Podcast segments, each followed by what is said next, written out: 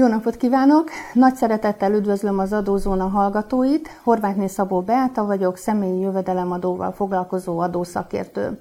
A mai napra a szépkártya juttatással kapcsolatos aktualitásokat foglalom össze önöknek. Ennek jelentős része már nyilván ismert önök előtt, tekintettel arra, hogy a karácsonyt követően napvilágot láttak az ide vonatkozó kormányrendeletek.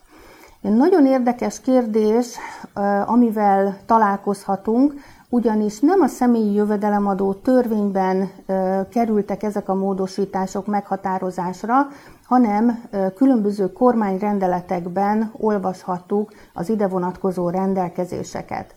Ugye az egyik ilyen horderejű változás, hogy a szépkártyának a különböző zsebei megszűntek. Ugye január 9-től gyakorlatilag már csak egy alszámlán kezeljük ezeket a pénzeszközöket.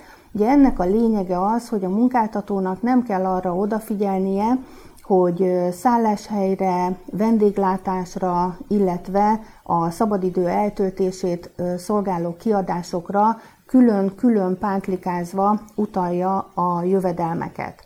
Ja, ha szép kártyában gondolkodunk, akkor ugye fontos azt tudni, hogy ez egy egyes meghatározott juttatásnak minősül.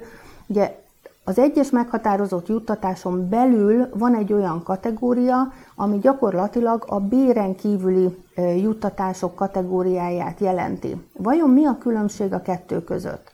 Hát tulajdonképpen csak egy adóalap növelési kérdés, ugyanis ha egyes meghatározott juttatásról beszélünk, akkor az a vagyoni érték, amit a munkáltató biztosít a munkavállaló részére, azt 1,18-as adóalapra vetítve kell megítélni a jövedelmet, és ezután kell megfizetni a kifizetőnek a személyi jövedelemadót, illetve a szociális hozzájárulást. Nem így a szép kártyával összefüggésben, hiszen a szép kártyánál ez a 18%-os adóalap növelés nem játszik szerepet, ugyanis ebben az esetben az az összeg, amit a munkáltató elutal a szépkártyára, az gyakorlatilag nettó jövedelemnek minősül. Ugye azért nettó, mert ezután a munkáltató terheli a, mind az SZIA, mind a szocó fizetési kötelezettség. Hogyha nincsenek külön alszámlák, akkor vajon mire kell figyelnie a munkáltatónak? Ugye egyrészt arra, hogy nem változott a szépkártya felhasználásának az alapgondolata, tehát továbbra is szálláshely szolgáltatásra, melegkonyhás vendéglő helyeken történő szolgáltatásokra, illetve a szabadidő eltöltését, rekreációt és egészségmegőrzés szolgáló szolgáltatásokra lehet ezeket a pénzeszközöket felhasználni.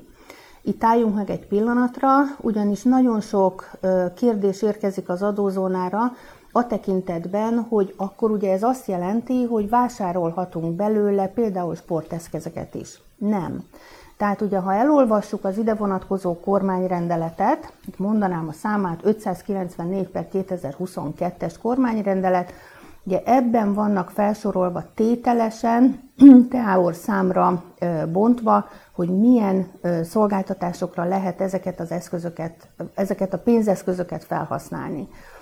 Itt ezek között nem találunk termékeket, csak és kizárólag szolgáltatásokat, tehát ez nagyon fontos, hogy erre figyeljenek oda. A béren kívüli keretösszeg az továbbra is 450 ezer forintnak minősül, tehát ezzel az összeggel kell, vagy lehet a munkáltató, munkáltatónak gazdálkodnia. Ugye mit jelent ez? Lehet ennél magasabb összeget is fizetni, hogyha a munkáltató ezt megengedheti magának, Ugye ebben az esetben 450 ezer forint lesz az az összeg, ami kedvezően adózik, a felettes rész az egyes meghatározott juttatásnak minősül. Azért valljuk meg őszintén, hogy ma Magyarországon nem minden munkáltató engedheti ezt meg magának. A tapasztalatom szerint inkább a 300-350 ezer forintos éves összeg az, amit a munkáltatók a munkavállalók számára szép kártyára tudnak utalni. Mire kell odafigyelni a szépkártya utalással összefüggésben? A törvény arányosítást ír elő minden olyan esetben, amikor a munkavállalónak a munkaviszonya évközben kezdődik, vagy évközben szűnik meg. Ugye ebben az esetben a törvény és a kormányrendelet is úgy fogalmaz, hogy 450 ezer forintot arányosítani szükséges a munkáltatónál, az adott munkáltatónál az adóévben a juttatás alapjául szolgáló jogviszonyban eltöltött napokkal arányosan. Nem munkanapokkal, hanem naptári napokkal számolunk, de fontos az, hogy a belépés és a kilépés idejére is oda kell figyelnünk, ugyanis a 450 ezer forintot arányosítani kell. Mi van abban az esetben, ha a munkáltató csak 200 ezer forintot tud biztosítani éves viszonylatban, és a dolgozónak a jogviszonya mondjuk augusztusban megszűnik? Ebben az esetben a személyi jövedelemadó szempontjából nem bír olyan jelentőséggel az arányosítás, tekintettel arra, hogy nagy valószínűség szerint ugye nem lépjük túl azt a keretösszeget, ami értelmében a jogalkotó úgy rendelkezett, hogy magasabb mértékű adót kell fizetni a munkáltatónak.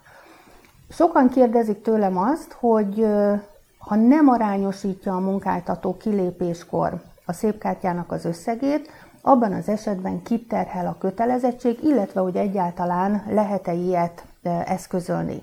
Természetesen lehet, a munkáltatót terheli a kötelezettség, Ugye, hogyha túllépi ezt a, az arányos összeget, akkor a munkáltatónak kell megfizetni az egyes meghatározott juttatásokra vonatkozó adót a következő havi kötelezettség részeként. Abban az esetben, hogyha a dolgozó arányosan nem éri el a 450 ezer forintnak az arányos részét, akkor viszont a munkáltató és a munkavállaló például egy közös megegyezésnél megállapodhat abban, hogy nem követeli vissza a dolgozótól az egész évre kifizetett összeget, tehát ilyen esetben nem biztos, hogy a munkáltatónak keletkezik adófizetési kötelezettsége. Ja, még ezzel a gondolattal összefüggésben egy fontos szabályt érdemes megemlíteni, hogyha a munkavállalónak a a halála következtében szűnik meg a jogviszonya, ebben az esetben ez a szigorú értelmezés nem alkalmazandó, tehát ekkor nem kell a munkáltatónak az arányosításra odafigyelnie.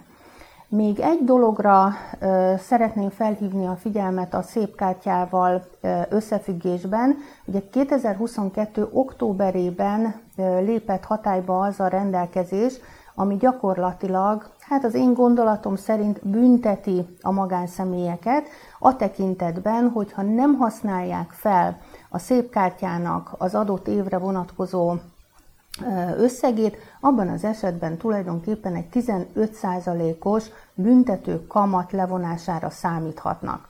Ugye ebben az esetben, miután október 15-én lépett életbe ez a kormányrendelet, Ugye érdekes módon meg kell nézni azt, amit a korábbi évek alatt összegyűjtögetett a magánszemély, és hogyha ő ezt május 31-ig nem használja fel, akkor ö, sajnos ez a büntető kamat életbe lép, tehát a szép kártyának a szolgáltatója gyakorlatilag ezt az adminisztrációt intézi és levonásba helyezi a munkavállaló részére egyébként rendelkezésre álló összegből.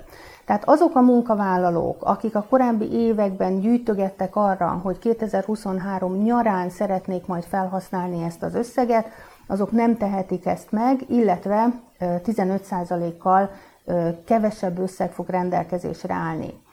Ez a szabály, ez nem csak a korábbi évekre vonatkozik, hanem minden következő egy évben is vizsgálni kell az átutalt összegnek a felhasználását, tehát ezzel gyakorlatilag a kormányzat arra ösztönzi a, a munkavállalókat, magánszemélyeket, hogy igenis az erre a célra átutalt összeget az adott évben használják fel rekreációra, egészségmegőrzésre, sportolásra, és nem utolsó sorban szállodai és melegkonyhás szolgáltatásokra. Köszönöm szépen a figyelmet, mindenkinek nagyon szép napot kívánok!